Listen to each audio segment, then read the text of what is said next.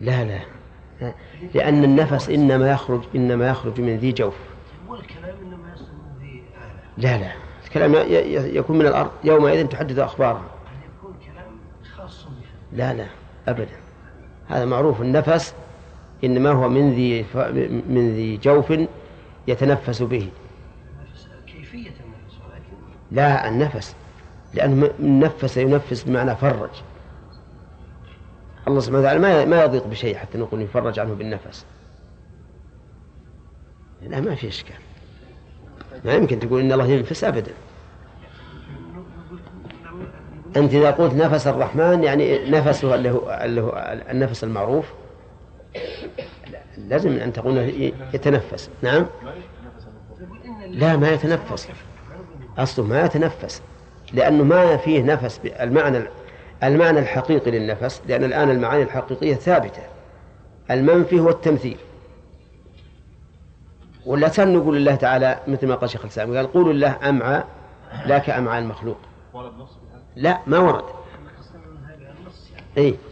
أن النص ما هو ما هو لازم أن النفس بمعنى الهواء الذي يخرج من الجوف ما هو بلازم ما دام النفس يأتي بمعنى التنفيس والتفريج واضح وليس لازم ثم إن إذا قلنا نفس الله معناه أن الله يتنفس من اليمن وهذا لا يتصور أيضا لأنه من قبل اليمن معناه في الأرض فيأتي من قبل اليمن لا لا هذا المعنى الظاهر مو باللوازم مو باللوازم أبدا إن نفس الله من قبل اليمن إني أجد نفس الله من قبل اليمن إذا فسرت النفس بمعنى الهواء الذي يخرج من الجوف ما هو حقيقته هذا حقيقته بقطع النظر عن الكيفية الآن الآن كلنا ننفس لكن هل نفسنا سواء؟ كل واحد له كيفية في نفسه واحد عنده ضيق في التنفس واحد عنده مثلا ضيق في الصدر المهم أنه يختلف لكن أصل النفس وهو الهواء الخارج من الجوف متفق وهذا هو معناه الحقيقي هذا المعنى الحقيقي لا يمكن أن يليق بالله عز وجل ثم يمنعه أن يقول من قبل اليمن فإن هذا يقتضي أن يكون النفس يأتي من الأرض من الجهات الجنوبية لا لا هذا معناه هذا معناه إذا أخذت بظاهر امس على هذا لا نعم. نعم إذا كان نفس الرحمن من قبل اليمن ولكن ليس كنفس المخلوق أصلها النفس أصلا معنى النفس لا يليق بالله سواء سواء من جهة سواء من جهة التمثيل أو من جهة المعنى الحقيقي قل لي ما هو النفس في المعنى الحقيقي وش ما أصبر وش المعنى الحقيقي للنفس وش المعنى الحقيقي الآن احنا نعرف معنى النزول طيب الهواء الخارج من الجوف لتنفيسه وهو ضروري بالنسبة لنا فإذا يلزم أن يكون نفس الله يعني الهواء الذي يخرج من جوفه لكن لا يلزم أن يكون كنفسي ونفس زيد وعمرو إلى آخره ما يلزم لا لكن أصل النفس لله ممتنع هل يلزم المخلوق الذي يخرج من إيه؟ لما لا يقال نفس ولا يفهم أصل معنى النفس هو هو كلمة النفس دقيق يا آدم ما يخالف لكن ورد حديث له معنيين الآن معنى بمعنى التنفيس وهو معنى صحيح لائق بالله ولا يخرج عن ولا يخرج عن ظاهر الكلام ومعنى آخر ما يليق بالله عز وجل إيه، ما في شك لأن لأن أصل يعني المعنى إذا إذا كان ما يثبت الله ما يمكن تثبته وتقول إن الله تعالى كذا وكذا ولا يشبه كان نقول كل شيء ثبت لله قل يليق بجلاله لا لا الضحك يمكن يمكن الضحك يقال حتى في الامور المخلوقه يقول مثلا الدنيا ضاحكه الله اذا ابتهج بهجه وسرور ما هو بلازم الضحك ان الانسان انه يكشر بانيابه وذا ما هو بلازم. انا اقول شيء هذه القاعده هل اول شيء نفهم هل انه يعني هل هذه صفه صفه كمال؟ هي صفه نقص النفس من حيث معناه الحقيقي صفه نقص ولا يليق بالله. لكن الإخوان يقول ورا ما نثبت النفس نقول لا يشبه نفس المخلوقين ما يمكن لا لا ما دام الحديث الآن محتمل لمعنى صحيح ومعنى غير صحيح يعني لو قال إن الله يتنفس كذا لو قال إن الله يتنفس قلنا نعم يجب أن نثبت أنه يتنفس ولا ولكن يليق به لكن قال نفس الرحمن من قبل اليمن فعندنا أولا النفس معنى النفس الحقيقي لا يليق بالله ثم تعقيده من قبل اليمن أيضا يدل على أنه ليس من الله عز وجل نعم ألا يخالف الصمد نعم يعني هذا يعني بأن الذي يدل على فساد ذلك إلا هو ما في ما في شك احنا قلناها بالأول قلنا أن الله صمد أحد صمد والصمد روي عن ابن عباس أنه الذي لا جوف له لا جوف له والجوف إنما يحتاج إليه من يحتاج إلى الأكل والشرب والله عز وجل لا يحتاج إلى ذلك على كل حال الكلام مش عليه على إن هل إن هذا الحديث يدل على إثبات نفس لله لا يماثل نفس المخلوق نقول لا يدل المثال الثالث الخامس والسادس من أي شيء مما ادعى فيه أهل التعطيل أن أهل السنة والجماعة تأولوا فيه ليحتجوا بذلك على مذهبهم فيقول لأهل السنة لماذا تؤولون في هذه هذه الأمثلة وتنكرون علينا التأويل فيما نؤوله فهذا تناقض منكم فإما أن توافقونا على ما أولناه لتطردوا قولكم في التأويل وإما أن تسكتوا عنا لأنكم فعلتم كفعلنا أولتم أما أن تشنوا الغارة علينا وتنكروا علينا وتتهمونا بالتحريف وإخراج الكلام عن المراد به وأنتم تفعلون مثل فعلنا فهذا جناية منكم علينا ومخالف للعدل والإنصاف واضح سبق لنا خمس ستة أربعة أمثلة المثال الخامس والسادس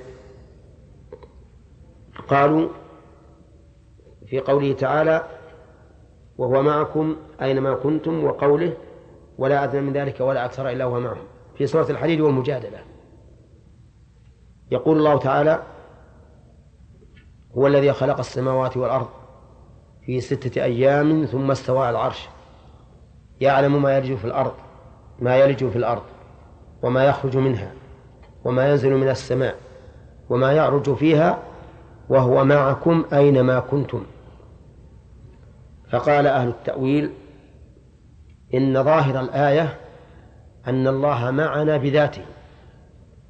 وأنتم تقولون إن الله معنا بعلمه فأخرجتم الآية عن ظاهرها وأولتموها وهذا حجة عليكم لنا في تأويلنا لأنكم قلتم إنها إنه معنا بعلمه لأن معنا بذاته لا يمكن أن يكون معنا بذاته حالا في الأرض وفي كل مكان نقع فيه وكذلك قوله تعالى في سورة المجادلة ما يكون من نجوى ثلاثة إلا هو رابعهم ولا خمسة إلا هو سادسهم ولا أدنى من ذلك ولا أكثر إلا هو معهم أينما كانوا قال قالوا فقوله إلا هو معهم أينما كانوا ظاهره أنه معهم في أمكنتهم وأنتم يا أهل السنة تقولون إنه معهم بعلمه وليس بذاته فأخرجتم الآية عن ظاهرها فكيف تخرجون ما شئتم من النصوص عن ظاهره ثم تنكرون علينا ما أخرجناه من النصوص عن ظاهره وهل هذا إلا حيف منكم فإما أن توافقونا على ما أولنا وإما أن إيش تسكتوا عنا على الأقل طيب إذا وجه كون ذلك من مما لبس به أهل التعطيل أنهم يقولون إن ظاهر الآيتين إيش أنه معنا بذاته في نفس المكان وأنتم أخرجتموهما عن هذا الظاهر إلى أنه معنا بعلمه وأن الذي معنا علمه لا نفسه فهذا إخراج للآية عن ظاهرها واضح الآن فالجواب الجواب أن الكلام في هاتين الآيتين حق على حقيقته وظاهره نحن ما أخرجناها نقول لهم نحن لم نخرج الآيتين عن ظاهرهما ولا أخرجناهما عن حقيقتهما ونقول إن الله سبحانه وتعالى معنا على ما تقتضيه على ما يقتضيه ظاهر اللفظ ولكن نختلف معكم في ظاهر اللفظ فأنتم تقولون إن ظاهرهما إن ظاهره أنه أنه مع خلقه معية تقتضي أنه مختلط بهم وحال في أمكنتهم هذه دعوة من؟ دعوة أهل التعطيل يقولون إن الله معنا إن إن ظاهر الآيتين أن الله معنا مختلط بنا حال في أمكنتنا كما تقول فلان مع فلان أين يكون فلان في نفس ها؟ في نفس المكان يكون في نفس المكان إذن فظاهر الآيتين الكريمتين أن الله معنا في نفس في نفس المكان يقولون هذا هو الظاهر نحن نقول لهم ليس هذا هو الظاهر ليس هذا ظاهر الآيتين أبدا ولهذا نقول هل يقال إن ظاهره أي ظاهر الكلام وحقيقته أن الله مع خلقه معية تقتضي أن يكون مختلطا بهم أو حالا في أمكنتهم أو يقال إن ظاهره وحقيقته أن الله مع خلقه معية تقتضي أن يكون محيطا بهم علما وقدرة وسمعا وبصرا وتدبيرا وسلطانا وغير ذلك من معاني ربوبيته مع علوه على عرشه فوق جميع خلقه أي القولين يقال في الآية ها؟ الثاني قطعا لأن الله سبحانه وتعالى في نفس الآية في سورة الحديد الله أنه ذكرها نعم في نفس الآية هو الذي خلق السماوات والأرض في ستة أيام ثم استوى على العرش وأين العرش في العلو فوق كل المخلوقات يعلم ما يرجو في الأرض وما يخرج منها وما ينزل من السماء وما يعرج فيها وهو معكم أينما كنتم لو قلنا معنا في مكاننا لكان الآية يناقض أو آخرها أولها لأن أولها يقول استوى على العرش وآخرها يقول وهو معكم فلو قلنا أنه معنا بذاته في الأرض تناقضت الآية وصار آخرها مناقضا لأولها لكن نقول الآية تدل على أن الله معنا وإن كان في السماء مستو على العرش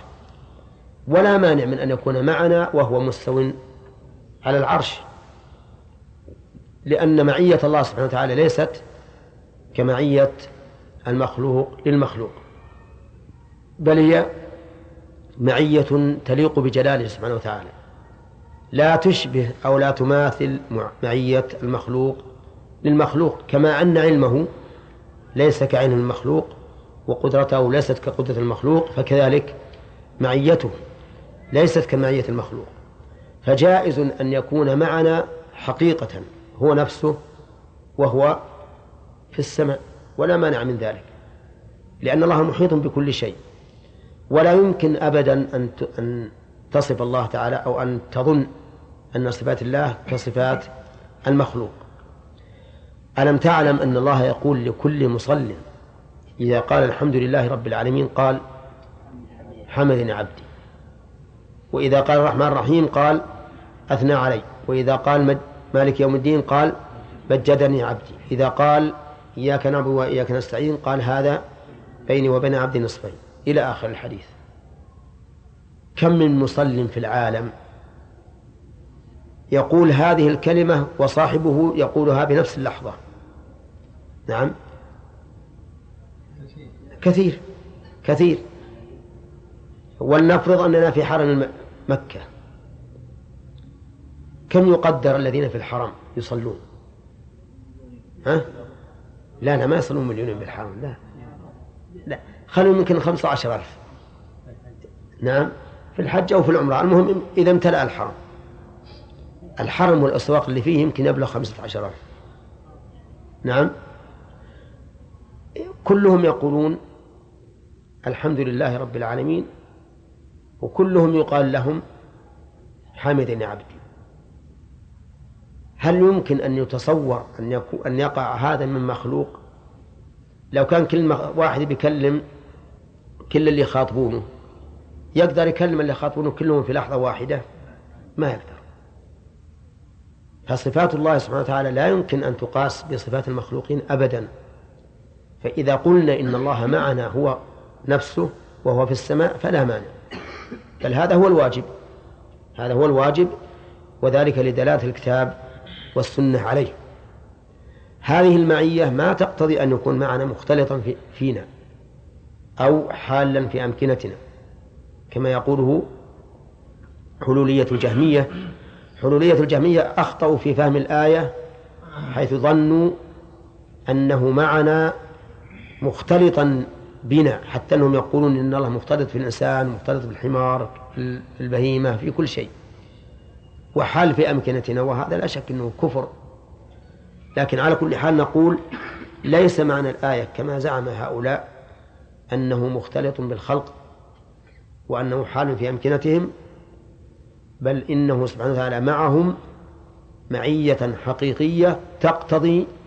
الإحاطة بهم علما وقدرة وسمعا وبصرا وسلطانا وغير ذلك فعلى هذا هل نحن أخرجنا الآية عن ظاهرها أبدا لم نخرج الآية عن ظاهرها ولم ولم نتأولها حتى لو قال قائل إن من السلف من فسر الآية المعية بالعلم وقال وهو معهم أي وهو عالم بهم وهذا لا شك أنه إخراج الله عن ظاهرها لأن هناك فرقا بين قوله وهو معهم وبين قوله وهو عالم بهم فرق كبير لأن المعية أشمل دلالة من منين من العلم فهي تقتضي العلم والسمع والبصر والقدرة والسلطان والتدبير والتصرف إلى آخره إلى يعني إلى ما لا نهاية له من معاني الربوبية والعلم معنى خاص نقول إذا كان بعض السلف فسرها بهذا فقد فسرها ببعض لوازمها والتفسير باللازم أو بعض اللازم لا يمنع من التفسير بدلالة المطابقة لأن أنواع الدلالات كم ثلاثة مطابقة وتضمن والتزام فهب أنهم فسروها بالعلم فإن ذلك لا يقتضي أن يكون إخراجا لها عن ظاهرها لأن العلم من بعض من بعض لوازمها والتفسير باللازم تفسير بمدلول اللفظ لأن مدلول اللفظ إما أن يكون داخلا في في دلالة التضمن أو دلالة المطابقة أو دلالة الالتزام ثم إنهم هم يخاطبون قوما يقولون إن الله معنا بذاته مختلطا بنا وحالا في أمكنتنا فيريدون أن يبينوا للناس أن هذا المعنى باطل وقد أشار إلى ذلك عبد الله بن عبد الله بن المبارك رحمه الله حيث قال لا نقول كما تقول الجهمية إنه ها هنا في الأرض إنه ها هنا في الأرض فبين أن المراد بذلك نفي ما ادعوه من كونه معنا في نفس المكان فإن هذا باطل ولا يمكن أن يقره عقل فضلا عن شرع فصار احتجاج هؤلاء المعطلة علينا أو أهل التأويل بما فسره بعض السلف من العلم احتجاج أيضا باطل حتى لو فسرناها بالعلم وجه ذلك أن العلم إيش بعض اللوازم والتفسير باللازم تفسير صحيح ولكنه لا ينفي التفسير بدلالة المطابقة وقد صرح شيخ الإسلام ابن تيمية كما سيأتي أظن في هنا في العقيدة الواسطية أن الله سبحانه وتعالى معنا حق على حقيقته وأنه لا يحتاج إلى تحريف لكن يصان عن الظنون الكاذبة قال ولا ريب أن القول الأول لا يقتضيه السياق ولا يدل عليه بوجه من الوجوه وذلك لأن المعية هنا أضيفت إلى الله عز وجل وهو أعظم وأجل من أن تحيط به شيء من مخلوق أن يحيط به شيء من مخلوقاته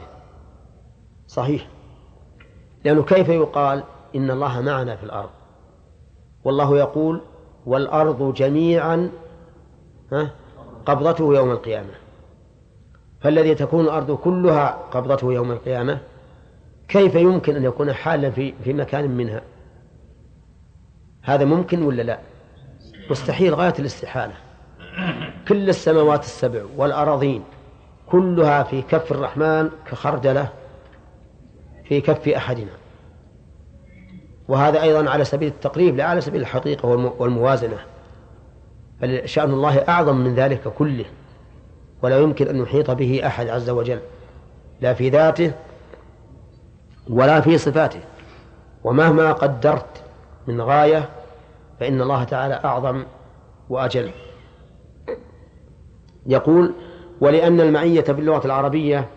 التي نزل بها القرآن لا تستلزم الاختلاط أو المصاحبة في المكان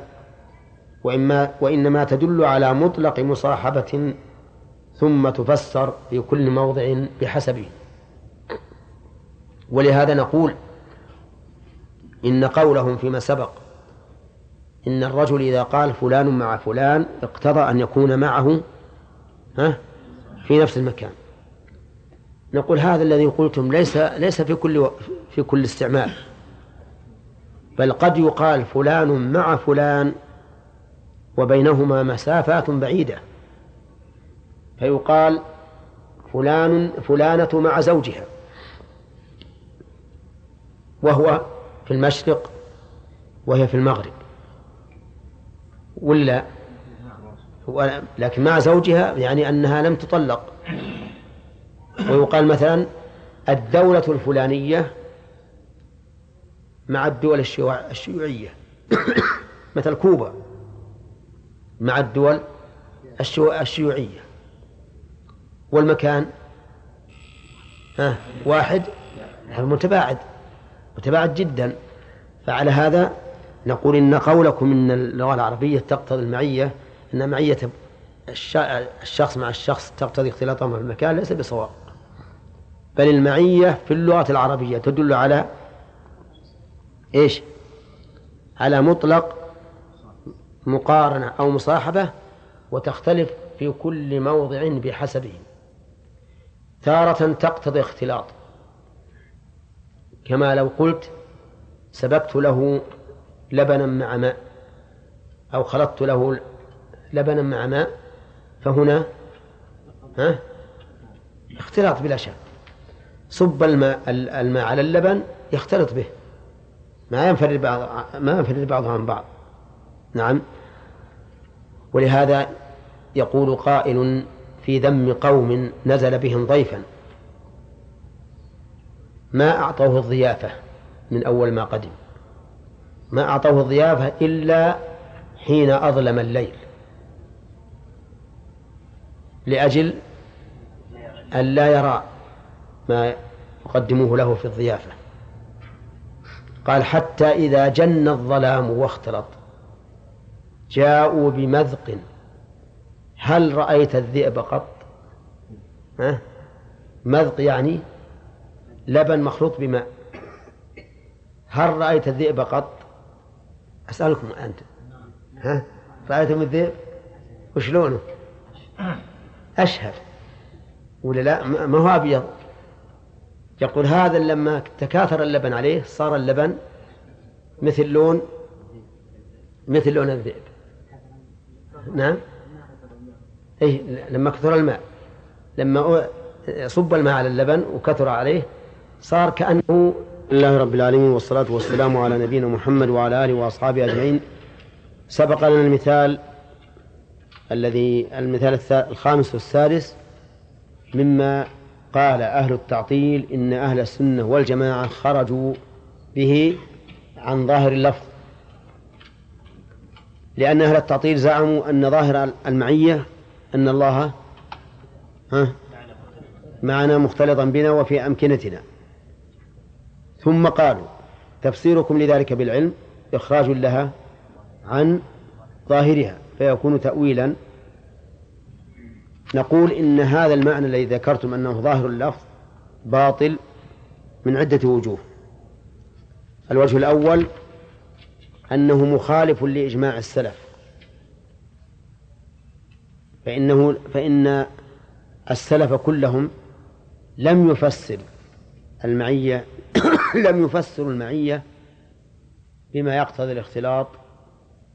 والمشاركة في المكان أبدا بل كلهم مجمعون على إنكار ذلك وأنه أمر باطل مستحيل وما كان مخالفا لإجماع السلف فهو باطل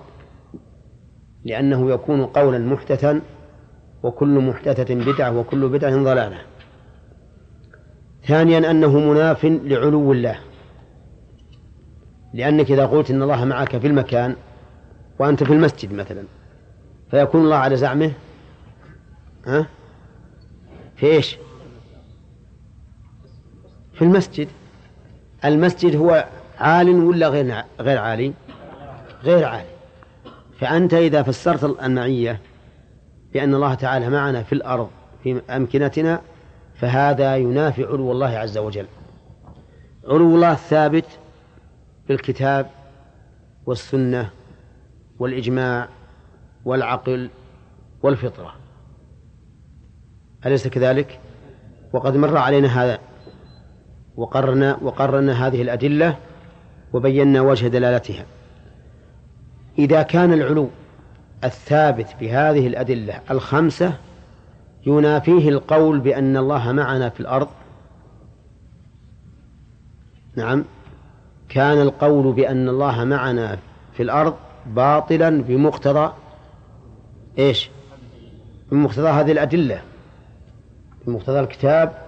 والسنة والإجماع والعقل والفطرة ولهذا نقول وما كان منافيا لما ثبت بدليل كان باطلا بما ثبت به ذلك المنافي شوف القاعدة المفيدة ما كان ثابتا ما كان منافيا لما ثبت بدليل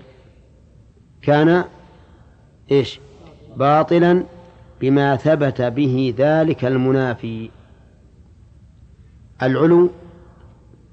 ينافي القول بأن بأن الله معنا في الأرض ووجه المنافاة واضحة العلو ثابت بماذا؟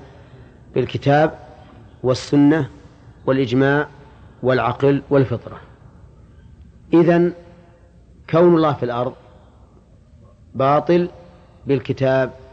والسنة والإجماع والعقل والفطرة وهذا واضح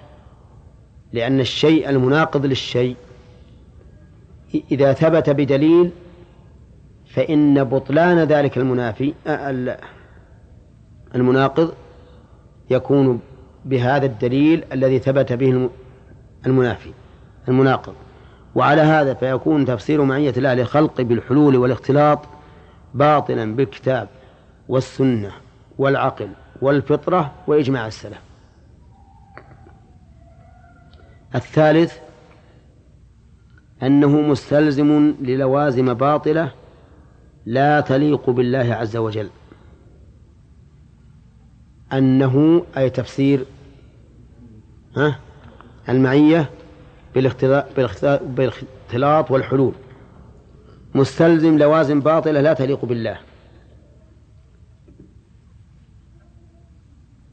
مثال ذلك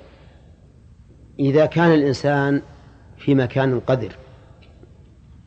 كالحمام وقلنا إن معنى كونه معنا أنه في مكاننا يلزم أن أن الله تعالى يكون في هذه إيش الأماكن القذرة والعياذ بالله تعالى الله وهذه لو... هذا لازم من أبطل اللوازم ومعلوم أن بطلان لازم يدل على بطلان الملزوم ضرورة ولا يمكن لمن عرف الله تعالى وقدره حق قدره وعرف مدلول المعية في اللغة العربية التي نزل بها القرآن أن يقول إن حقيقة معية الله لخلقه تقتضي أن يكون مختلطا بهم أو حالا في أمكنتهم فضلا عن أن تستلزم ذلك ولا يقول هذا ذلك إلا جاهل بإيش؟ باللغة جاهل بعظمة الرب جل وعلا فاللغة العربية لا لا لا تقتضي أن يكون الله تعالى معنا في الأرض فضلا عن أن تكون تستلزم ذلك وهم يقولون إنها تستلزم ذلك ومن أجل هذا رمونا بأننا مؤولة نؤول نصوص المعية فإذا تبين بطلان هذا القول تعين أن يكون الحق هو القول هو القول الثاني وهو أن الله تعالى مع خلقه معية تقتضي أن يكون محيطا بهم علما وقدرة وسمعا وبصرا وتدبيرا وسلطانا وغير ذلك مما تقتضيه ربوبيته مع علوه على عرشه فوق جميع خلقه انتبه لقولي مع خلقه معية تقتضي أن يكون لتعرف الفرق بين المقتضي والمقتضى فالعلم والسمع والبصر والقدرة والسلطان والتدبير هذه ليست هي المعية ولكنها من مقتضيات المعية والمقتضى غير المقتضي فإذا كان الله معنا اقتضى أن يكون إيش عالما بنا سميعا لأقوالنا بصيرا بأفعالنا قديرا علينا له السلطة الكاملة والتدبير والتصرف أما المعية حقا فقد سبق لنا أنها معية تليق به سبحانه وتعالى وهي لا تستلزم بل ولا تقتضي أن يكون معنا في الأرض وهذا هو ظاهر الآيتين بلا ريب لأنهما حق ولا يكون ظاهر الحق إلا حقا ولا يمكن أن يكون الباطل ظاهر القرآن أبدا قال شيخ الإسلام ابن تيمية رحمه الله في الفتوى الحموية صفحة 103 جيم خمسة من مجموع الفتاوي لابن قاسم ثم هذه المعية تختلف أحكامها بحسب الموارد فلما قال يعلم ما يرجو في الأرض وما يخرج منها وما ينزل إلى قوله وهو معكم أينما كنتم دل ظاهر الخطاب على أن حكم هذه المعية ومقتضاها أنه مطلع عليكم شهيد عليكم ومهيمن عالم بكم وهذا معنى قول السلف إنه معهم بعلمه يقول كان دل ظاهر الخطاب على أن حكم هذه المعية ولم يقل عنها أن هذه المعية بل قال حكم هذه المعية ومقتضاها أنه مطلع عليهم عليكم شهيد عليكم مهيمن عالم بكم وهذا معنى قول السلف إنه معهم بعلمه وهذا ظاهر الخطاب وحقيقته وكذلك في قوله ما يكون من نجوى ثلاثة الله ورابعهم إلى قوله وهو معهم أينما كانوا الآية ولما قال النبي صلى الله عليه وسلم لصاحبه في الغار لا تحزن إن الله معنا كان هذا أيضا حقا على ظاهره ودلت الحال على أن حكم هذه المعية هنا معية الاطلاع والنصر والتأييد وهذه معية خاصة إذن فالمعية تختلف أحكامها ومقتضياتها بحسب ما تضاف إليه فالعامة مقتضاها إيش؟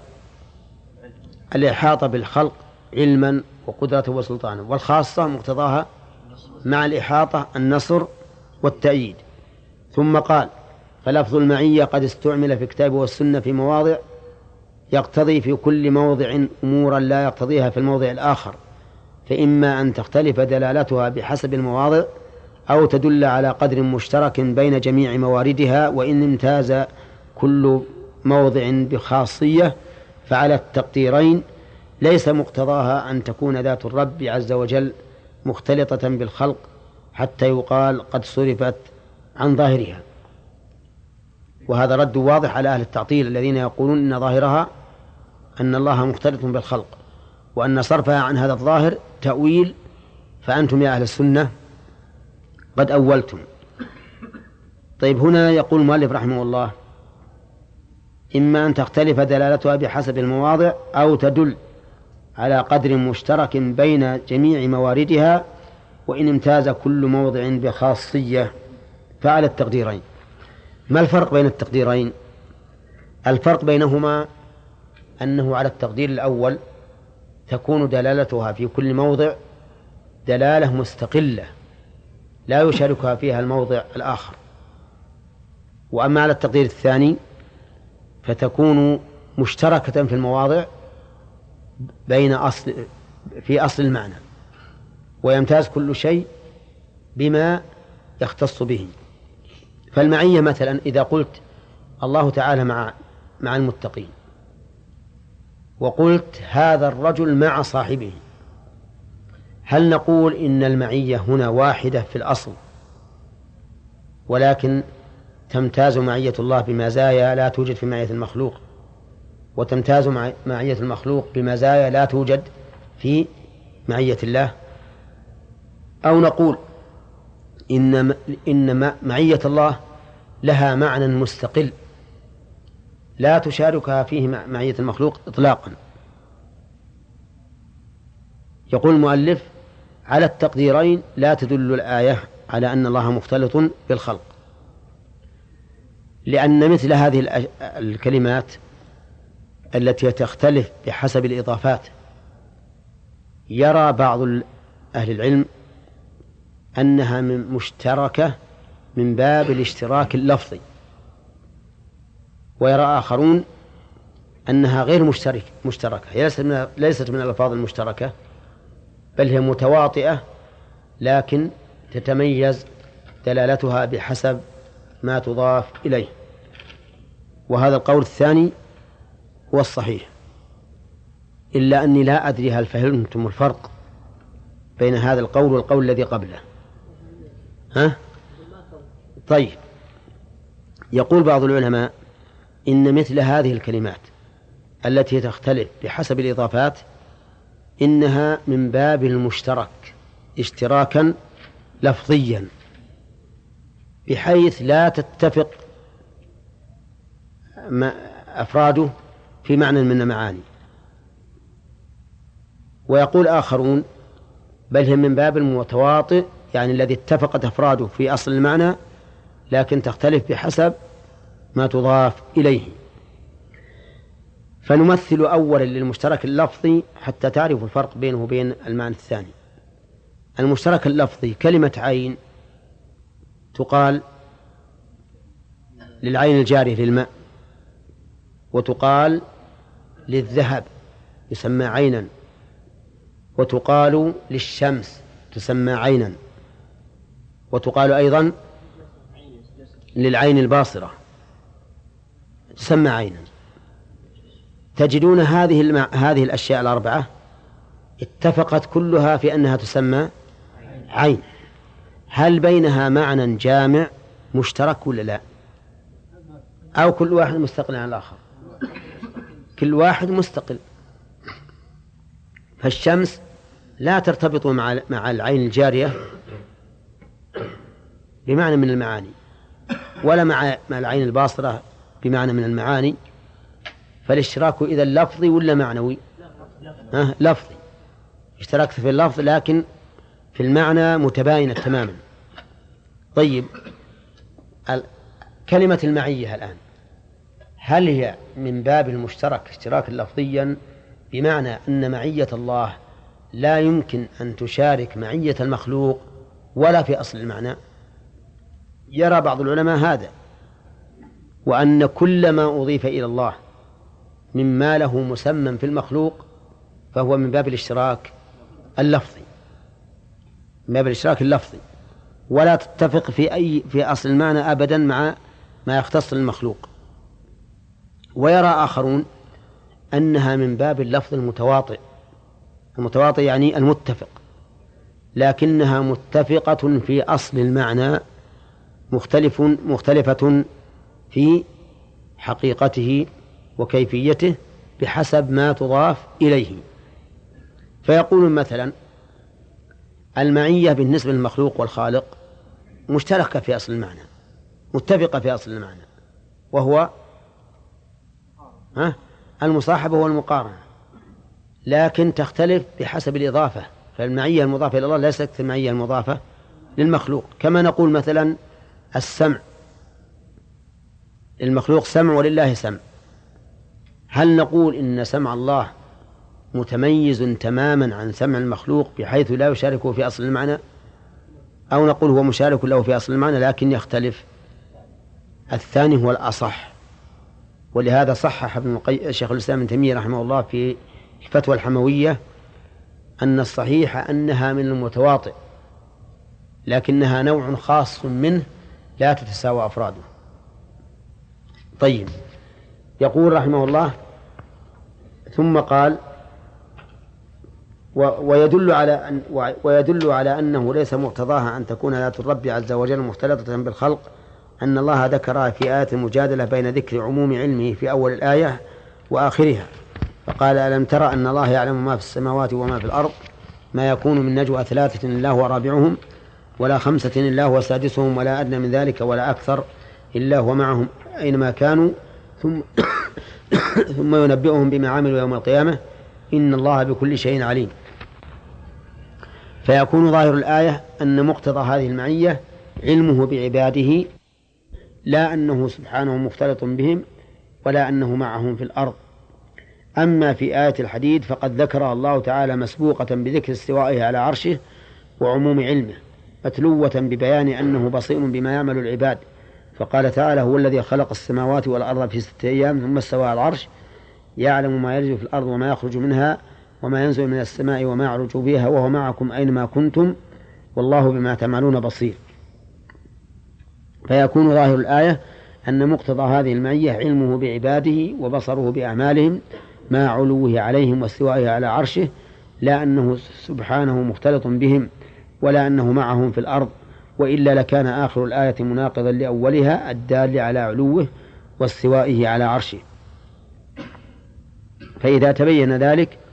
علمنا أن مقتضى كونه مع عباده أنه يعلم أحوالهم ويسمع أقوالهم ويرى أفعالهم ويدبر شؤونهم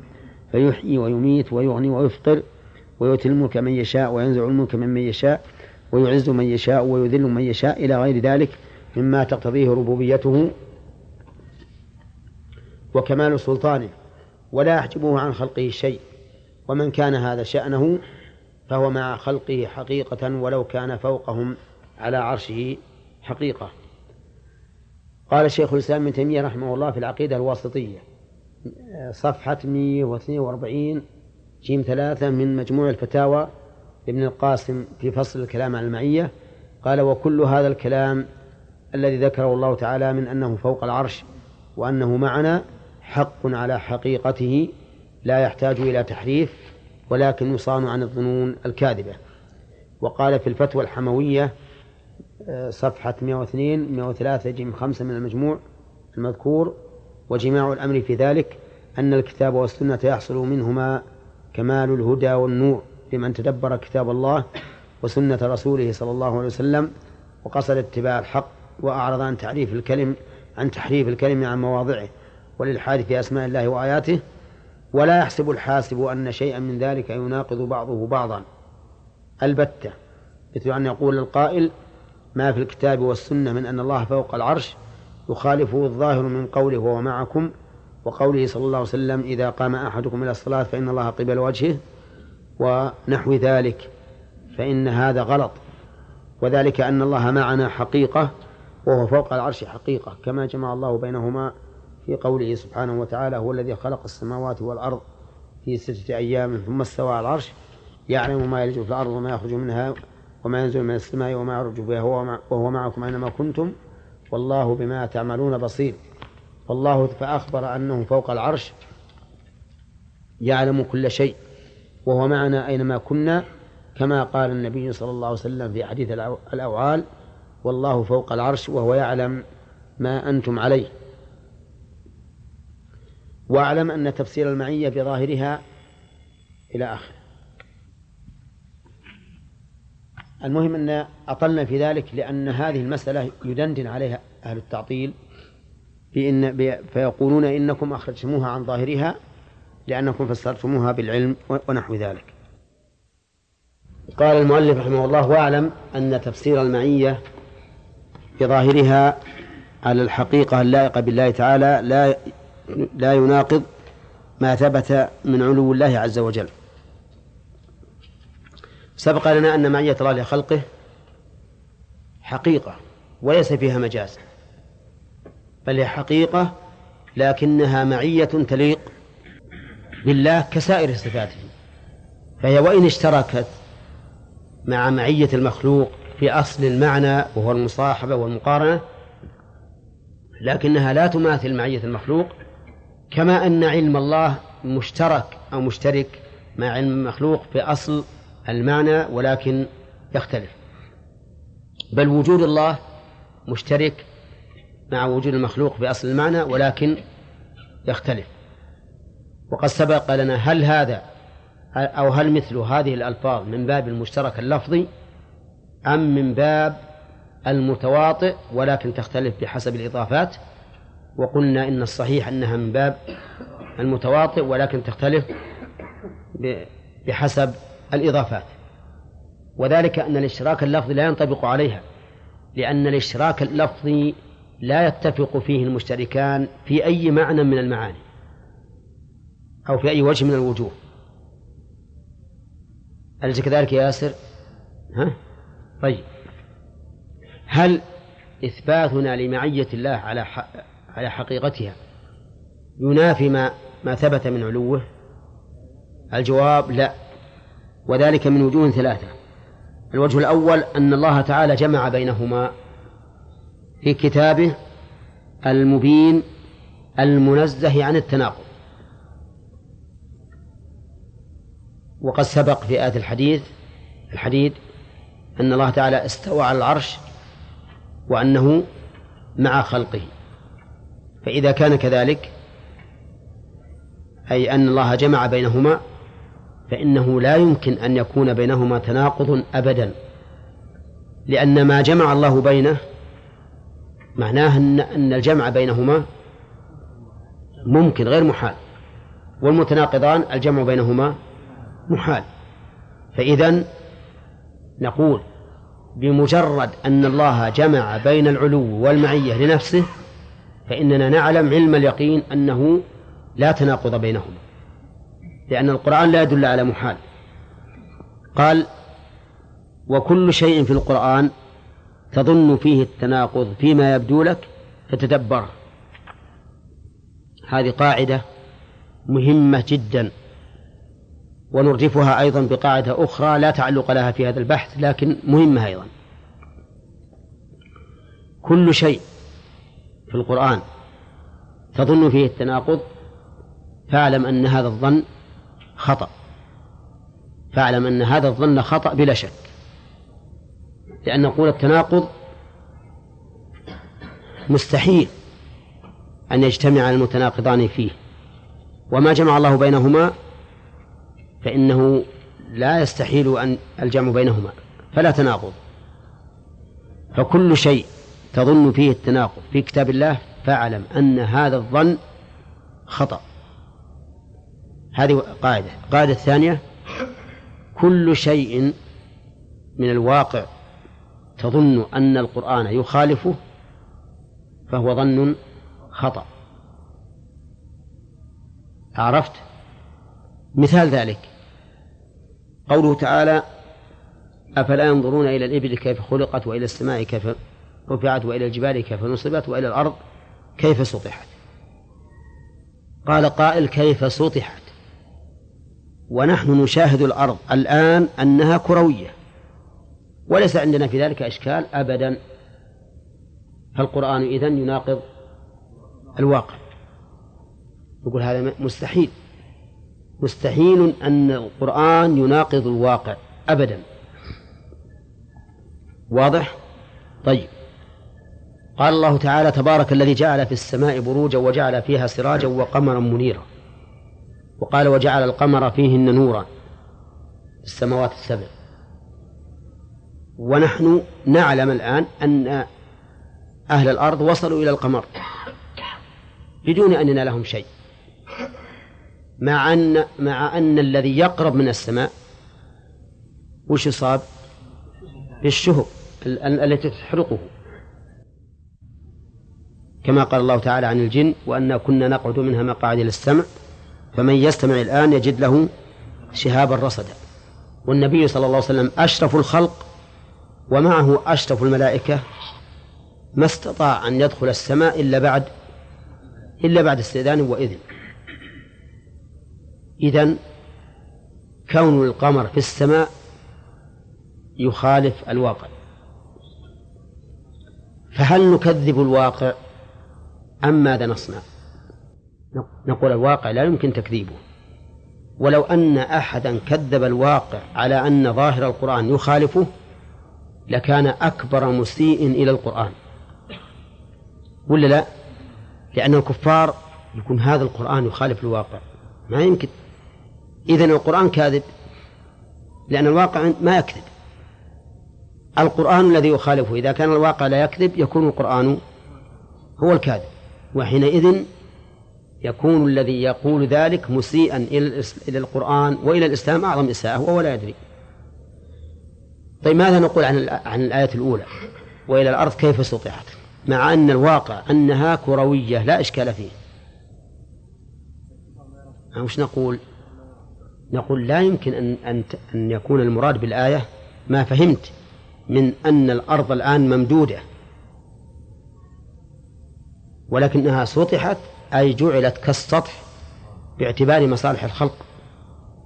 كل الناس في منطقتهم يعتقدون أن الأرض إيش مسطحة مسطحة لأنها كبيرة الحجم وكرويتها لا تبين إلا بقدر كبير فهو إذا مسطح مسطح ونقول له اقرأ إذا السماء انشقت وآذنت لربها وحقت وإذا الأرض مدت وألقت ما فيها وتخلت متى يكون هذا يوم القيامة قال إذا الأرض مدت الآن هي غير ممدودة الآن هي غير ممدودة إذا فهي مطوية مكورة وحينئذ يتبين لنا أن القرآن لا يخالف الواقع طيب وكذلك بالنسبة للقمر نقول إن الله جعل في السماء أي في العلو تبارك الذي جعل في السماء أي في العلو ولا يلزم أن يكون العلو هو السماء ذات الأجران وجعل فيهن وجعل القمر فيهن نورا بعض العلماء يقول إن القمر له وجهان وجه إلى الأرض فيه نور ووجه إلى السماء فيه نور فهو ينور على السماء وينور على الأرض فيكون نورا في السماء ونورا في الأرض وبعض العلماء يقول فيهن أي في جهتهن فيهن أي في جهتهن أي في جهة العلو على كل حال هاتان قاعدتان مهمتان وهما أن القرآن لا يمكن أن يقع فيه التناقض فإن تراءى لك أن فيه تناقضا فإن ظننت أن فيه تناقضا فالظن خطأ ثانيا القرآن لا يمكن أن يخالف الواقع فإن ظننت أنه يخالف الواقع فالظن خطأ أي لكن عاد يبقى في المسألة الأخيرة يبقى عندنا كيف الخطأ هل هو في الواقع أو في مخالفة القرآن له ها؟ أي نعم في مخالفة القرآن له ما يمكن يخالفه لكن قد تظن أن الواقع يخالفه وهو في الواقع لا يخالفه لا يخالفه فحينئذ يكون هذا الظن الخاطئ نعم نعم ذاتية لا كيف هي ذاتية لكنها ليست في الأرض كما يقول أهل أهل الخلاف شنو يقول هو نفسه معنا لكنه في السماء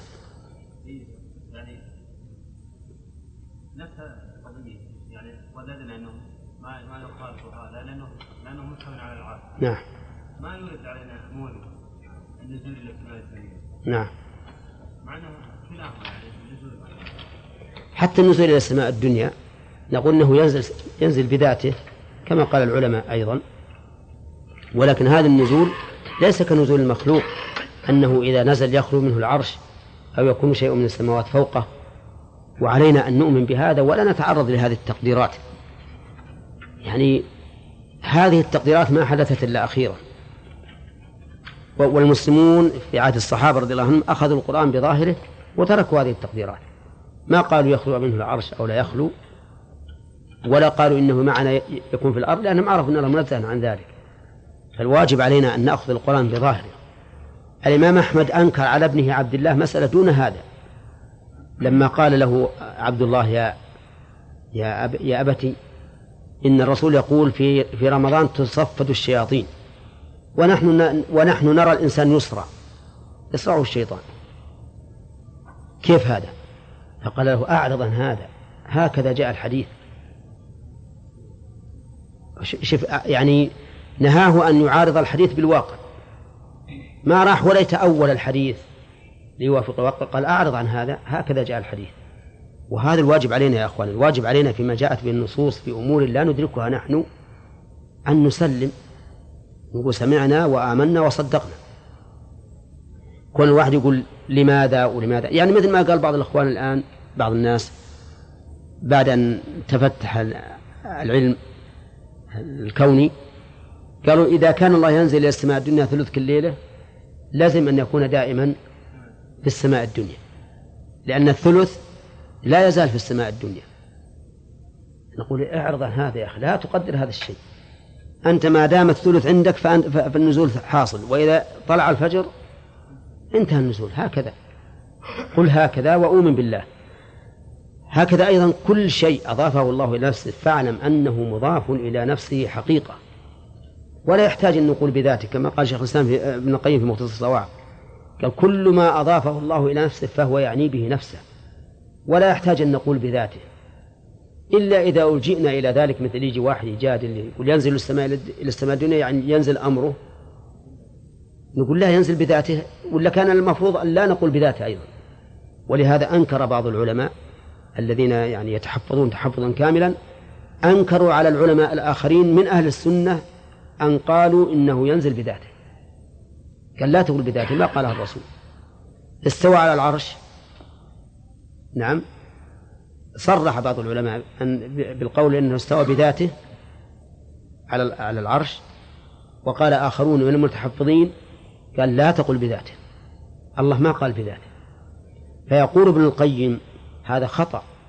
كل شيء أضافه الله إلى نفسه فإنما هو إلى ذاته ولا حاجة أن يقول يعني أن يذكر الذات لأن هذا معروف ولهذا لم لم نقل خلق السماوات بذاته خلق الأرض بذاته أنزل المطر بذاته ما حاجة لأن معروف أن الشيء إذا أضيف إلى الشيء فهو إلى نفس الشيء وهو معكم كذلك مثل هذا الشيء يقول هو معكم نفسه سبحانه وتعالى معنا لكن لا نقول إنه معنا في الأرض مختلطا بنا فإن هذا كفر ولكن نقول هو على عرشه وهو معنا حقيقة في إشكال الحمد لله نعم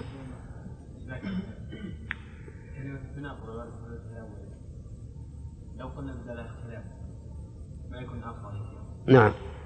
القرآن نعم وأيضا المعنى الاصطلاحي في نعم يوجد يوجد ولا لا التناقض هو أبلغ لأن الاختلاف قد قد يمكن الجمع فتكون يختلف من وجه دون آخر والمراد بقوله تعالى لوجدوا فيه اختلافا كثيرا ما يشمل هذا أما الاختلاف الظاهري الذي يمكن الجمع فهذا لا يسمى اختلاف الحقيقة يوجد في القرآن أشياء ظاهرها الاختلاف يومئذ يود الذين كفروا وعصوا الرسول لو تزوى بهم الأرض ولا يكتمون الله حديثا ومع ذلك يقولون والله ربنا ما كنا مشركين فيكتمون الله فهذا ظاهرها الاختلاف لكن يمكن الجمع بينها فيزول هذا هذا الاختلاف المعنى صلاح التناقض أنه لا يمكن الجمع فإذا أمكن الجمع فليس بتناقض حتى وإن كان ظاهره الاختلاف ولهذا أحيانا يعبر العلماء يقول ظاهره التعارض ظاهره التعارض نعم ما في وصول فقه الآن ترى الآن ماشي ما بقى إلا 13 دقيقة ما في محامي من نجعل المحامي ها أنت يلا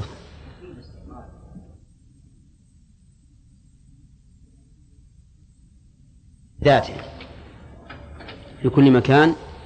بذاته وأن الله مع الخلق في نفس أمكنتهم ولا نقول إنه عال فوق السماوات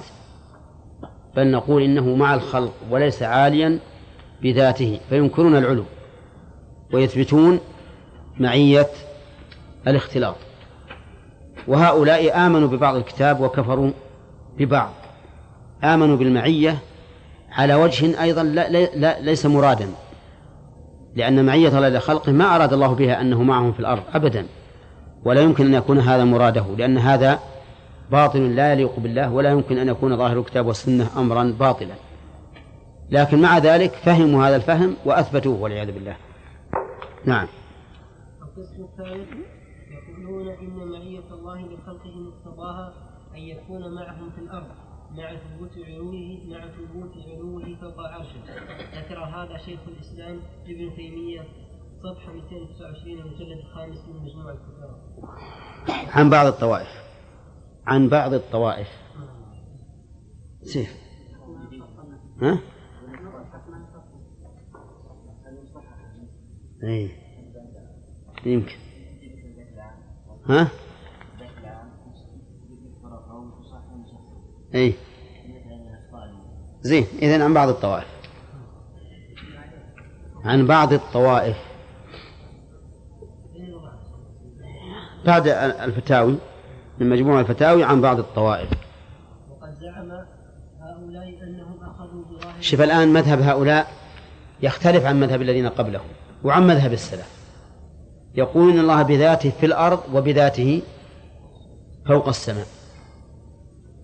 بذاته فوق السماء يوافقون أهل السنة والجماعة ويخالفون ها الجهمية حلوية الجهمية لأن يقولون الله ليس بذاته فوق السماء بذاته في الأرض يوافقون الجهمية ويخالفون السلف لأن السلف لا يقولون إنه بذاته في الأرض فلا تظن أن هذا المذهب هو مذهب لا السلف ولا مذهب هؤلاء الجهمية والفرق بينهم كما عرفت الجهمية يقولون الله بذاته في الأرض ولا يقولون إنه في السماء لأنهم يمكنون العلو هؤلاء يقولون إن الله بذاته في الأرض كما قال الجهمية ولكن هو بذاته في السماء خلافا لمن للجهمية طيب يقولون إن الله بذاته في السماء فيوافقون أهل السنة ويقولون إنه بذاته في الأرض فيخالفون أهل السنة فهؤلاء أخذوا من هؤلاء وهؤلاء وزعموا أنهم هم الذين معهم ظاهر الكتاب والسنة طيب وقد زعم هؤلاء وقد زعم هؤلاء أنهم أخذوا بظاهر النصوص في المعية والعلوم وكذبوا في ذلك فضلوا في نصوص المعية لا تقتضي لا فضلوا فإن نصوص المعية فضلوا فإن نصوص المعية لا تقتضي ما ادعوه من الحلول لأنه باطل ولا يمكن أن يكون ظاهر كلام الله ورسوله باطلا تنبيه واضح؟ لأن كون الله معنا في الأرض هذا باطل ما فيها شك ولا يمكن أن يكون الله كذلك لأن هذا كما مر علينا كثيرا مخالف لظاهر القرآن والسنة وإجماع السلف ويقضي أحد أمرين إما التجزئة التجزئة وإما التعدد التجزئة بأن يقال الله جزءه هنا وجزءه هنا وجزءه هناك وإلا التعدد إذا قلت كل الله في هذا المكان وكل الله في المكان الثاني وكل الله في المكان الثالث معنى هذا أنه يلزم التعدد فالقائل بهذا يلزمه أحد أمرين ولا بد إما أن يقول بتجزؤ الله سبحانه وتعالى وإما أن يقول بتعدد الله وكل هذا باطل فدعواهم أنهم أخذوا بظاهر الكتاب والسنة يقول هذه دعوة باطلة تدرون لماذا قالوا أخذنا بالظاهر قال وهو معكم هو من الله معكم اجرها على ظاهرها يكون في الأرض يكون في الأرض استوى على العرش من اللي استوى هو إذا أجلها على ظاهرها يكون الله في العلو فيكون الله في السماء ويكون الله في الأرض عرفتم أهل السنة والجماعة يقولون هذا ليس بصواب لأنه لا يلزم من المعية أن يكون في الأرض إذ أن الشيء يكون عاليا ويقال في اللغة العربية إنه معنا العرب يقولون إن القمر معنا والنجم والقطب معنا أو الجدي معنا أو السهيل معنا أو الثريا معنا وهي في السماء ولا يعد ذلك تناقضا ولا أحد ينكر هذا التعبير فنقول إن الله معنا وإن كان في السماء ولا نقول أنه يلزم أن يكون معنا في الأرض والمعية أيضا تأتي لمعان متعددة بحسب الإضافات يقال مثلا فلان معه زوجته يعني في عصمته حتى لو كان هو في الشرق وهي في الغرب أليس كذلك؟ ويقال القائد مع الجند في الميدان إذا كان محيطا بهم ويدري عن تصرفاتهم وإن كان وإن كان في غرفة القيادة بعيدا عن الميدان فالمعية معناها أوسع مما ظن هؤلاء أنه لابد أن يكون مختلطا في المكان وهذا معنى باطل لا أحد يعتقد في الله أبدا نعم تنبيه اعلم أن تفسير السلف لمعية الله تعالى لخلقه لأنه معهم بعلمه لا يقتضي الاقتصار على العلم بل المعية تقتضي أيضا إحاطته بهم سمعا وبصرا وقدرة وتدبيرا ونحو ذلك من معاني ربوبيته تنبيه آخر أشرت فيما سبق إلى أن علو الله تعالى ثابت بالكتاب والسنة والعقل والفطرة والإجماع أما الكتاب فقد تنوعت دلالته على ذلك فتارة بلفظ العلو والفوقية والفوقية والاستواء والاستواء على العرش وكونه في السماء كقوله تعالى وهو العلي العظيم وهو القاهر فوق عباده الرحمن على العرش استوى أأمن أأمنتم من في السماء أن يخسف بكم الأرض وتارة وتارة بلفظ أظن لا حاجة إلى إعادة شرح قوله أأمنتم من في السماء والوهم الذي قد يرد على القلب الوهم الذي قد يرد على القلب في هذه الآية أن يتوهم الإنسان أن كونه في السماء يستلزم أن السماء تقله وأنها أوسع منه محيطة به وهذا ليس بصواب هذا وهم باطل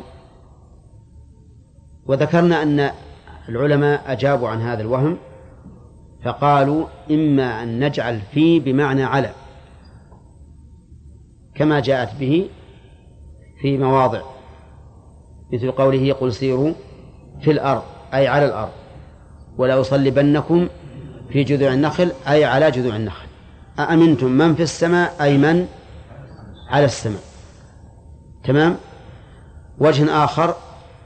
يجعلون السماء بمعنى العلو ويجعلون فيه للظرفية فيكون في السماء أي في العلو نطالب هؤلاء ونقول ايتوا بدليل على أن السماء تأتي بمعنى العلو حتى نقبل تأويلكم يجو يأتون بدليل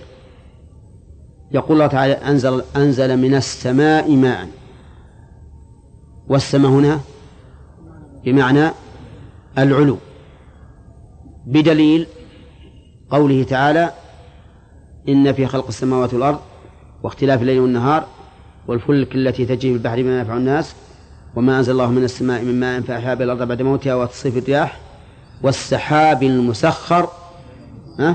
بين السماء والأرض والماء ينزل من من السحاب ومع هذا قال بين السماء والأرض فدل ذلك على أن على أن السماء تأتي بمعنى العلو فيكون معنى قول في السماء أي في العلو فالله تعالى في العلو الأعلى ولا يحيط به شيء من مخلوقاته لأن ما فوق ما فوق المخلوقات عدم الذي فوق المخلوقات عدم والعدم ليس بشيء حتى يكون محيطا بالله ولهذا نقول في السماء أي في العلو و و ويزول الإشكال الذي يتوهمه الإنسان فإن قلت كيف تجمع بين هذا وبين قوله تعالى وهو الذي في السماء إله وفي الأرض إله وقوله وهو الله في السماوات وفي الأرض يعلم سركم وجهركم أفلا تدل الآيتان على أن الله كائن في السماوات وفي الأرض جميعا الجواب الجواب عن ذلك أن نقول وهو الذي في السماء إله وفي الأرض إله أي أن ألوهيته في السماء والأرض يعني مألوه من أهل السماء ومن أهل الأرض ونظير ذلك من الكلام أن تقول فلان أمير في المدينة وأمير في مكة مع أنه مع أنه في مكة مثلا ساكن في مكة أو في المدينة وليس ساكنا فيهما جميعا إذن وهو الذي في السماء إله وفي الأرض إله يعني ألوهيته ثابتة في السماء وفي الأرض أما هو ذاته فهو في السماء وكذلك نقول وهو الله في السماوات وفي الأرض أي وهو المألوه في السماوات وفي الأرض لأن إله بمعنى مألوه فهو المألوه في السماوات وفي الأرض أو نقول جواب آخر وهو الله في السماوات قف ثم استأنف وقال وفي الأرض يعلم سركم وجهركم يعني ويعلم سركم وجهركم في الأرض فكونه في السماء لا يمنع أن يعلم سركم وجهركم في الأرض وعلى كل حال فلدينا بارك الله فيكم آيات محكمات هن أم الكتاب وأخر متشابهات فأما الذين في قلوبهم زيغ فيتبعون ما تشابه منه وأما الذين آمنوا فيعلمون أنه الحق من ربهم ويردون المتشابه إلى المحكم فيقول هذه الآيات المتشابهات أنزلها الله سبحانه وتعالى هكذا متشابهة ابتلاء وامتحانا ابتلاء وامتحانا لأن الذي في قلبه زيغ يتبع المتشابه ليشكك الناس في دينهم والمؤمنون لا يتبعون المتشابه يقولون كل من عند الله ولا تناقض فيه ويحملون المتشابه على المحكم فيكون الجميع محكما طيب آه، الآن تنوعت الأدلة في بالنسبة للعلو العلو الفوقية الاستواء العرش كونه في السماء أربعة أنواع هنا نعم. نقف على هذا نعم وهي وهو الله في السماوات وفي الأرض يعلم سركم وجهركم الجواب كما أشرنا له قلنا في وهو الله في السماوات يعني وهو المألوه في السماوات وفي الأرض أو وجه آخر أن نقول وهو الله في السماوات ونقف ونقول الله في السماوات يعني عليها وفي الأرض يعلم سركم وجهركم متعلقة في الأرض متعلقة بيعلم يعني يعلم سركم وجهركم في الأرض نعم بسم الله الرحمن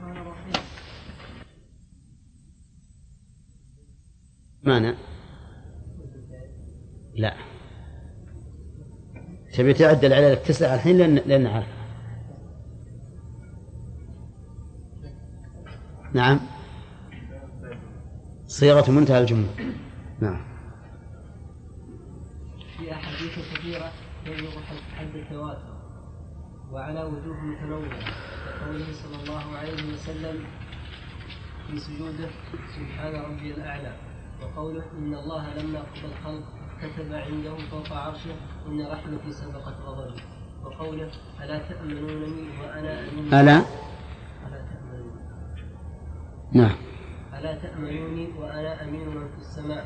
وثبت عنه أنه رفع يديه وهو على المنبر يوم الجمعة يقول اللهم أغثنا وأنه رفع يده إلى السماء وهو يخطب الناس يوم عرفة حين قالوا نشهد أنك قد بلغت بلغت وأديت ونصحت فقال اللهم أشهد اللهم أشهد وأنه قال للجارية أين الله أين الله قالت في السماء فأقرها وقال سيدها اعتقها فإنها مؤمنة أعتقها أعتقها فإنها مؤمنة طيب هنا السنة بالقول والفعل والإقرار القول مم. نعم صح الفعل عبد الوهاب نعم إشارة الرسول عليه الصلاة والسلام عرفه نعم أشار إلى السماء أشار إلى السماء يقول اللهم اشهد ورفع يديه يقول اللهم أغثنا طيب الإقرار سلمان آه. فأقرها أحسن إذا اجتمعت السنة القولية بعد والفعلية والإقرارية على علو الله سبحانه وتعالى نعم وأما العقل فقد دل على وجوب صفة الكمال لله تعالى وتنزيهه عن النقص والعلو صفة كمال والسفل نقص فوجب لله تعالى صفة العلو وتنزيهه عن ضده وأما الفطرة فقد دلت على واضح الآن هذا الدلالة العقلية أن يقال هل العلو صفة كمال أو النزول الجواب كل يقول العلو فإذا كان العلو صفة كمال فالله سبحانه وتعالى موصوف بصفات الكمال فهو عال في ذاته وفي صفاته الجهمية وأتباعهم الذين يقولون بالحلول يقول أنه عال بصفاته وليس عاليا بذاته ومع ذلك ينكرون الصفات ينكرون الصفات ولا يثبتون إلا الأسماء كما مر علينا من قبل إيه نعم نعم وأما الكتب فقد دلت على علو الله تعالى دلالة ضرورية ضرورية فطرية فما من داع فما من داع أو خائف فزع إلى ربه تعالى إلا وجد في قلبه ضرورة ضرورة الاتجاه وجد في قلبه ضرورة الاتجاه نحو العلو لا يلتفت عن ذلك يملك ولا الله أكبر صحيح هذا أمر معلوم فطري بدون أن أن يدرس الإنسان أو يقرأ كتابا يقرر ذلك بمجرد ما تقول يا رب أين يتجه قلبك إلى السماء والغريب أن الذين ينكرون العلو إذا دعوا يرفعون أيديهم إلى السماء اتفقت بجماعة في في أيام الحج وكانوا ينكرون العلو وكان هذا في يوم العيد فقلت لهم أمس كنتم في عرفة تدعون الله أين توجهون أيديكم أنتم تقولون اللهم اللهم إنا نسألك العلم النافع والعمل الصالح سدب يديهم للأرض ولا وين تحطونه ها؟ قالوا نحطه فوق قلنا خلاص هذا هذا أكبر دليل على علو الله وأن الذي تدعونه فوق لو تجدون صبيا سفيها يضع يديه أو يوجه يديه نحو الأرض وهو يدعو الله وجهتموه قلتم هذا غلط فكيف تنكرون هذا بألسنتكم وتقرون به بفطركم غصبا عليكم وأبو المعالي الجويني رحمه الله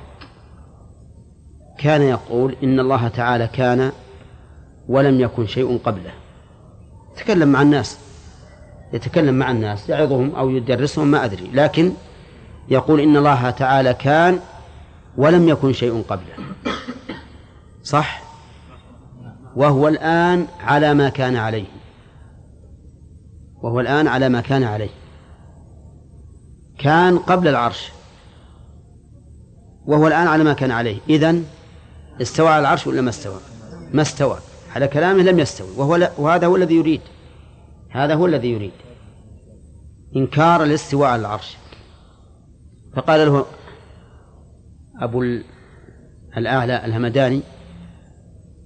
قال له يا أستاذ دعنا من ذكر العرش وأخبرنا عن هذه الضرورة ما قال عارف قط يا الله إلا وجد من قلبه ضرورة بطلب العلو كيف قال دعنا من ذكر العرش لأن الاستواء على العرش دليله سمعي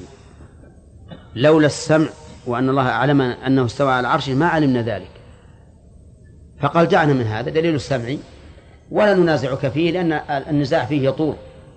لكن نأتي بدليل واضح مثل ما قال إبراهيم لما قال المحاج إن أنا أحيي وأميت وش قال له؟ ها؟ قال إن الله يأتي بالشمس من المشرق فأتي بها من المغرب هذا نفس الشيء قال ما نجادلك في مسألة الاستواء على العرش لكن أخبرنا عن هذه الضرورة ما قال عارف قط يا الله إلا وجد من نفسه ضرورة بطلب العلو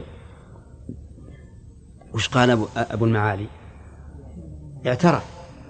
ضرب على رأسه هكذا حيرني الهمداني حيرني الهمداني تحير ما يقدر يجيب عن هذا وهذا أمر معلوم بالفطرة ما من إنسان حتى وإن أنكر بلسانه أن الله في العلو لا يمكن لفطرته إلا أن تقول إن الله في العلو طيب آه، يقول آه، الفطرة دلالتها أيضا واضحة فصارت الأدلة الخمسة كلها مجتمعة على إثبات علو الله أي نعم واسأل المصلين يقول الواحد منهم في سجوده سبحان رب الأعلى أين تدخل من حين وأما الإجماع فقد أجمع الصحابة والتابعون والأئمة على أن الله تعالى فوق سماواته مستوى على عرشه وكلامهم مشهورا في ذلك نصا وظاهرا وظاهر الأوزاعي كنا والتابعون متوافقون نقول إن الله تعالى ذكره فوق تعال تعالى ذكره نقول إن الله تعالى ذكره فوق عرشه فوق عرشه ونؤمن بما جاءت به السنة من الصفات وقد نقل وقد نقل الإجماع على ذلك وهو واحد من أهل العلم ومحال أن يقع في مثل ذلك خلاف وقد تطابقت عليه هذه الأدلة الأدلة العظيمة التي لا يخالفها إلا مثال طمس على قلبه واجتالته الشياطين عن فطرته نسأل الله تعالى السلامة والعافية فعلو فعلو الله فعلو الله تعالى بذاته وصفاته من أبين الأشياء وأظهرها دليلا وأحق وأحق الأشياء وأثبتها واقعا. تنبيه ثالث اعلم أيها القارئ القارئ الكريم أنه صدر مني كتابة لبعض الطلبة تتضمن ما قلته في بعض المجالس لمعية الله تعالى لخلقه ذكرت فيها أن عقيدتنا أن الله تعالى أن, أن لله تعالى معية حقيقية حقيقية ذاتية تليق به وتقتضي إحاطته بكل شيء علما وقدرة وسمعا وبصرا وسلطانا وتدبيرا وأنه سبحانه منزه منزه أن يكون منزه أن يكون منزه أن يكون مختلطا بالخلق أو حالا في أمثلته بل هو العليم بذاته وصفاته وعلومه من صفاته الذاتية التي لا ينفك عنها وأنه مستوى على عرشه كما يليق بجلاله وأن ذلك لا ينافي المعية لأنه تعالى ليس كمثله شيء وهو السميع البصير وأردت بقولي ذاتية تنفيذ حقيقة تنفيذ حقيقة معيته تبارك وتعالى وما أردت أنه مع خلقه سبحانه في الأرض كيف وقد قلت في نفس هذه الرسالة كما ترى إنه سبحانه منزه أن يكون مختلطا بالخلق أو حالا في ألسنتهم وأنه العلي بذاته وصفاته وأن علومه من صفاته الذاتية التي لا ينفك عنها وقلت فيها أيضا ما نصه ما نصه بالحرف الواحد ونرى أن من زعم أن الله أن الله بذاته في كل مكان فهو كافر أو ضال إن اعتقده وكاذب إن نسبه إلى غيره بسلف الأمة وإن أو أئمتها انتهى ولا يمكن لعاقل عرف الله وقدره حق قدره وقدره وقدره حق قدره أن يقول إن الله مع خلقه في الأرض وما زلت ولا أزال أنكر هذا القول في كل مجلس من مجالس من مجالس جرى فيها ذكره وأسأل الله تعالى أن يثبتني وإخواني المسلمين في القول الثابت في الحياة الدنيا وفي الآخرة هذا وقد كتبت بعد ذلك مقالا نشر في مجلة الدعوة التي تسكن في الرياض نشر يوم يوم الاثنين الرابع من شهر محرم سنة 1407 هجرية أرض أربع وأربعمائة وألف رقم 911 خبر فيه ما قرأه شيخ الإسلام ابن تيمية رحمه الله تعالى من أن معية الله تعالى لخلقه حق على حقيقتها وأن ذلك لا يختلف الفنون والاختلاط والاختلاط بالخلق فضلا عن أن يستلزمه ورأيت من الواجب استبعاد استبعاد كلمة ذاتية وبينت أوجه الجمع بين علوم الله تعالى وحقيقة المعية واعلم أن كل أن كل كلمة تستلزم قول الله تعالى في الأرض أو أو اختلاف أو اختلافه بمخلوقاته أو نفي علوه أو نفي استوائه على عرشه أو غير ذلك مما لا يليق به تعالى فإنها كلمة باطلة يجب إنكارها على قائدها كائنا من كان وبأي لفظ كان وكل وكل كلام يوهم ولو عند بعض الناس ما لا يليق بالله تعالى فإن الواجب تجنبه لئلا يظن لئلا يظن بالله تعالى لكن ما أثبته الله تعالى لنفسه في كتابه وعلى لسان رسوله صلى الله عليه وسلم فالواجب إثباته وبيانه وبيان بكلام وهو من توهم فيه ما لا يليق بالله عز وجل. طيب هذا الكلام كما ترون هو عبارة عما أشرنا إليه من أن بعض الطلبة سمع منا تقرير حقيقة المعية وأن, وأن الله تعالى معنا حقيقة هو نفسه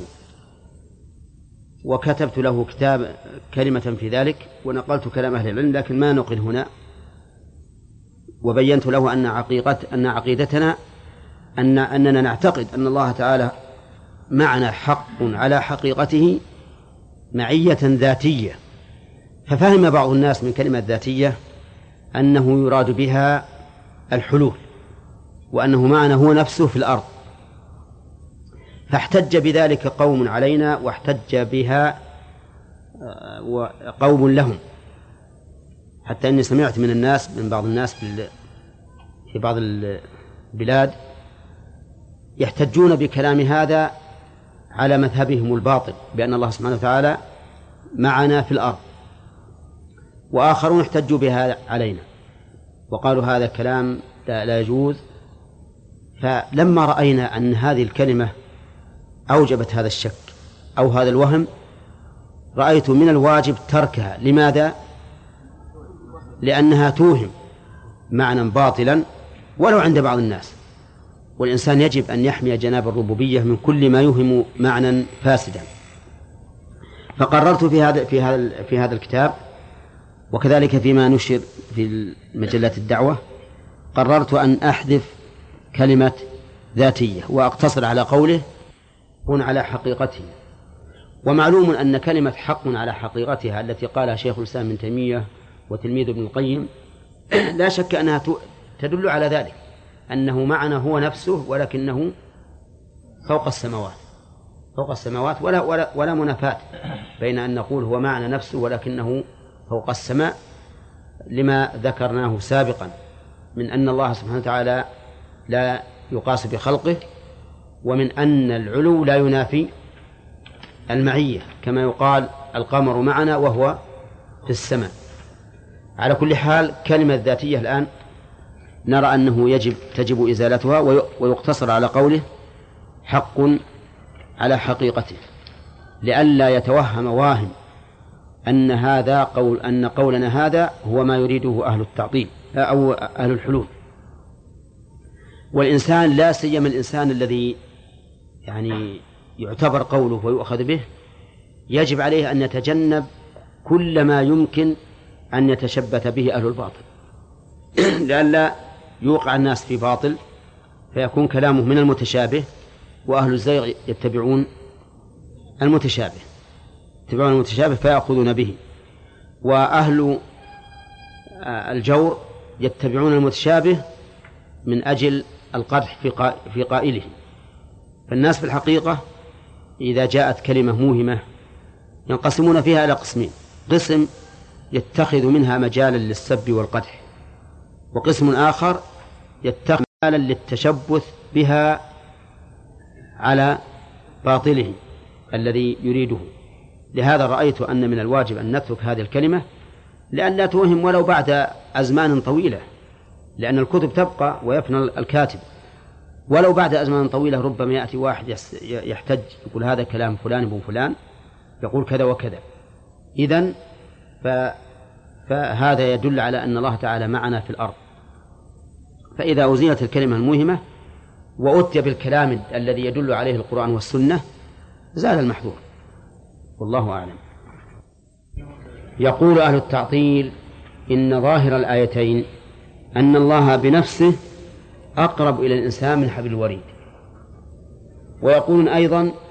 إن ظاهر الآية الثانية أن الله بنفسه أقرب إلى المحتضر